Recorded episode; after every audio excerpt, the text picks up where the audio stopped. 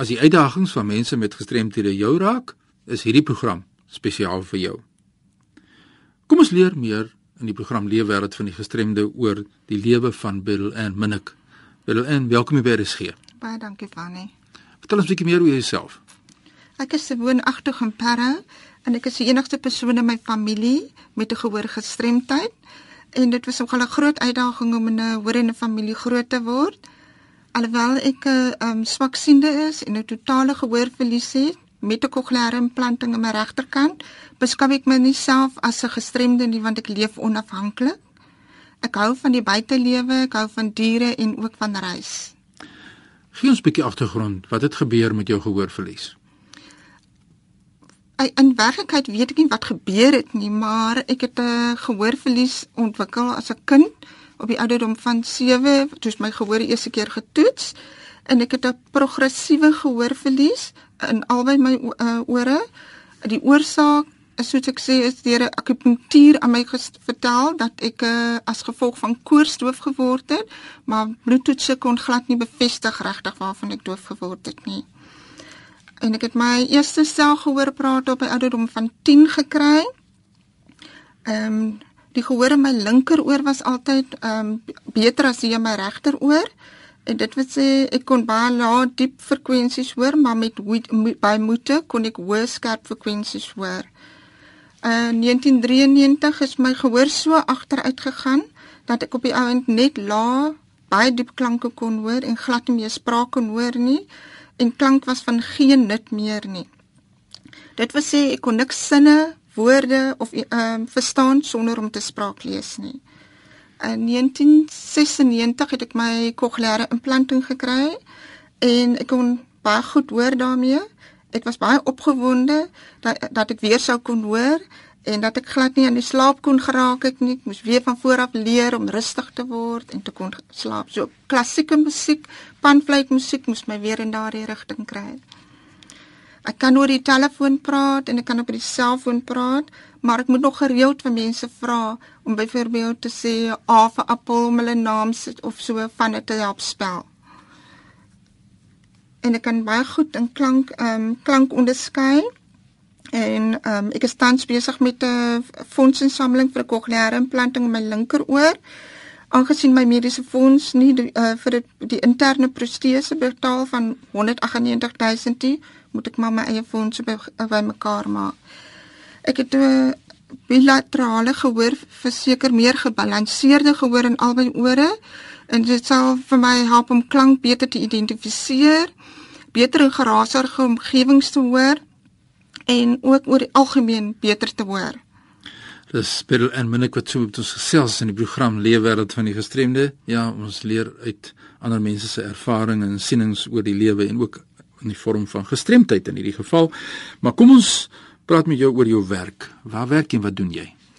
Ek is 'n administratiewe klerk by die Rooikruis Kinderhospitaal in Rondebosch. En my funksie is om met die alle mediese fondse te skakel aangaande rekeninge, ehm um, of hulle nou vir effen moet word of kodes of tariefkodes of enigiets wat wat nie daar is nie of wat vir effen of enigiets wat mag help om daai rekening betaal te kry. Dit is my funksie. Ek is ook die hoofkassier daar en ek help ook met al die uitbetalings van die, uit die klein kas uit. Ons het nou gehoor wat die impak is op jou as mens en jou vermoë om te kan hoor na die kokleaire implanting. Maar wat is die uitdagings wat jy het by die werk? Ehm um, ek sou sê die bestuur en personeel by die ehm um, by my werkplek af is baie onsensitief. Hulle is miskien nie genoeg ingelig oor mense met gestremthede se behoeftes nie. En die werkplek is glad nie toeganklik vir gestremde mense of meestal soos ek sê my posisie vir gehoorgestremdhede nie. Ehm um, daar's byvoorbeeld soos waar ek in 'n kassier uh, as 'n kassier uh, funksioneer. Ehm um, is daar glaspanele tussen ons, maar ek sit met my dowe oor na die glaspaneel toe. So met ander woorde, as iemand van die publiek kom, sal ek nie dadelik hoor hulle is staan daar nie. En bevorderingsgeleenthede, hoe sou jy sê by die werk? Wanneer daar is nie enige iets beniks word aan jou voorgestel of gesê daar is weet geleenthede vir jou vir verdere ontwikkeling vir enigsins vir enige ontwikkeling nie. Opleidingsbeamptes en tydens opleidingssessies kry jy uh, moeilik om te hoor in uh, opleidingssessies? Daar was geleenthede wat ek uh, vir die departement van gesondheid se uh, ehm um, opleiding gegaan het en daar was mense wat glad nie ehm um, geweet het hoe om met ons te praat nie. Daar was geen hulp gewees nie. Ek moes maar notas van ander af kry en ek moes maar rondvra as ek iets geweet het nie, maar die beamptes het geensins benul hoe om met mense met gestremdhede te werk nie. Soos ek dit dan hier sien, uh, een op een kommunikeer jy baie goed. Ons sit hier twee mense met kokleaire implantings, dan is die uitdagings baie min, maar die oomblik as jy uitgaan in 'n opleidingssituasie of met die publiek werk en as agtergrond geraas, dan kry jy baie moeilik om te kan kommunikeer soos wat jy vir ons verduidelik het. Dit is baie insiggewend. Maar uh Ek wil terugkom na 'n ander vraag toe en dit is eh, jou uitdagings op sosiale gebied. Is dit makliker vir jou natuurlik nou dat jy 'n kokleaire implanting gehad het, maar deel dit met ons? Ja, dit is definitief bietjie makliker, maar ek jy al het jy 'n kokleaire implanting, dit dit maak dit net 'n bietjie makliker, maar jy het nog altyd daai probleme van as jy byvoorbeeld vat 'n braai, daar's altyd baie mense bymekaar, die omgewing is gewoonlik bietjie donker en alle mense praat te gelyke tyd. So ja. dit maak dit baie baie moeilik, maar ehm um, ja, dit is definitief jy kan bietjie meer hoor, jy kan bietjie meer weet moet doen om met jou gehoor te luister. En dat jy eintlik sê mense moet net meer sensitief wees ook by die werk miskien en ook in die algemene sosiale sake dat hulle net miskien die agtergrondgewys as ek genoem het meer in ag neem. Uh, nou ja, dit is miskien sleg as jy dit nou sê uh, as 'n mens mooi luister daarna want mense het vriende eintlik nodig. En vriende moet eintlik sensitief wees. Wat is jou jou mening oor die onkunde en dis meer dan? Ek dink definitief baie mense is nog steeds baie onkundig oor ehm um, die die gestremdhede se behoeftes. En ehm um, ja, en ek dink uh, baie meer sal moet gedoen word om daardie mense ehm um, net die geleentheid te gee of net blootgestel te word aan watter behoeftes ons regtig het.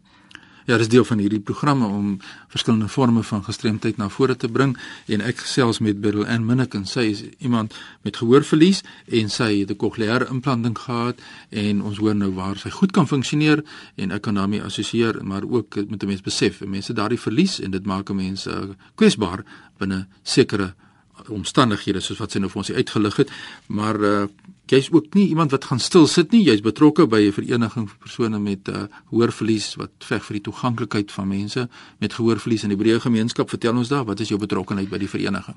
Ja, dis reg. Ek is betrokke en ek is ook die sekretaresse van die vereniging vir persone met gehoorverlies, toeganklikheid en ontwikkeling. Ek is 'n voorstander dan vir Loslitdag wat op 6 September 2013 plaasvind En enigiemand is welkom hulle los lidplakker by my aan te skaf. En jy kan my kontak by daai uh, kontaknommer 021 658 5404. Ons gaan in die program weer hierdie kontakbesonderhede deurgee. Ja, soos ons nou hoor, sosiale gebied, werksgebied, maar ek sou graag nog 'n bietjie wil gesels met jou oor die gemeenskap uh, wat oningelig is. Jy sê dis nie baie ingelig nie. Die breë gemeenskap buite, wat sê jy vir die mense daar buite?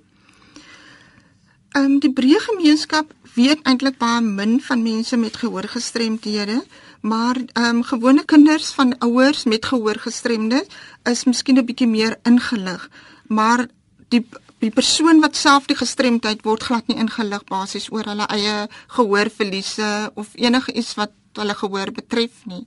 En ek dink dit is 'n bietjie onregverdig. So wat jy ook sê ons as gehoorgestremdes en gestremdes in die algemeen moet ook uh, meer verstaan en beter verstaan oor ons eie gestremdheid om te weet om te hanteer. Is dit wat jy probeer vir ons deurgee en ek dis baie belangrik. Dis waaroor hierdie sensitiseringsprogram pe daar is om nie net vir die gemeenskap in te lig nie, maar ook in die gemeenskap van gehoorgestremdes. Mense te bemagtig. Ja, dit is 'n baie belangrike punt wat jy daar noem. En so dit wat die grootste probleem wat mense dan het, is hierdie ongeligtheid en mense het opleidingsprogramme wat in 'n plek kan sit. Nou kort gedagtes van jou. Hoe wil jy met mense teenoor gehoorgestremde optree? As 'n mens nou kan saamvat wat ons nou gesê het. Ek wil hê mense moet my en ek glo alle gehoorgestremde persone sal absoluut aanvaar word um, met waardigheid en uh, met respek. En ek dink net ons Hemelse Vader is 'n regverdige en trotse God. Hy verdra nie dat enige iemand sy handewerk verlaag of afbreek nie. So hoekom sal ek dit toelaat? En 'n boodskap wat jy het vir mense in die algemeen perso persoonlike vlak so ter afsluiting van ons gesprek? Ek dink die hele gemeenskap hoort 'n bydrae te lewer tot toeganklikheid van gestremdes nog voordat hulle self gestremdheid ondervind of dit uh, in hulle lewe gebeur, want dit gebeur sommer net in 'n oogwink en dan sê hy gestremde en dan gaan jy self ondervind hoe moeilik die wêreld werklik is. Maar ek dink as iemand nou al as 'n normale persoon weet betrokke is, dan gaan dit net die gestremdheid en die dinge wat saam met dit gaan net makliker maak. Ja, dan sien ons die mens eerste en dan sy of haar vorm van verlies of gestremdheid wat daarmee saamgaan. Geef ons net weer daai kontakbesonderhede van die vereniging uit, eh, jy webtuiste daar waar mense kan uh, skakel met jou of die telefoonnommer wat hulle jou kan skakel. Ek het die ehm um, webadres is www.adla is a h l a d .org.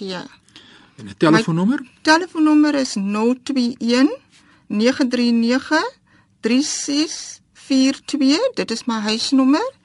My werknommer is 021 658 5404. En my e-posadres is b e r lang y l koppelteken hoofletter a double n minnik is m i double n i k @westerncape.gov.za.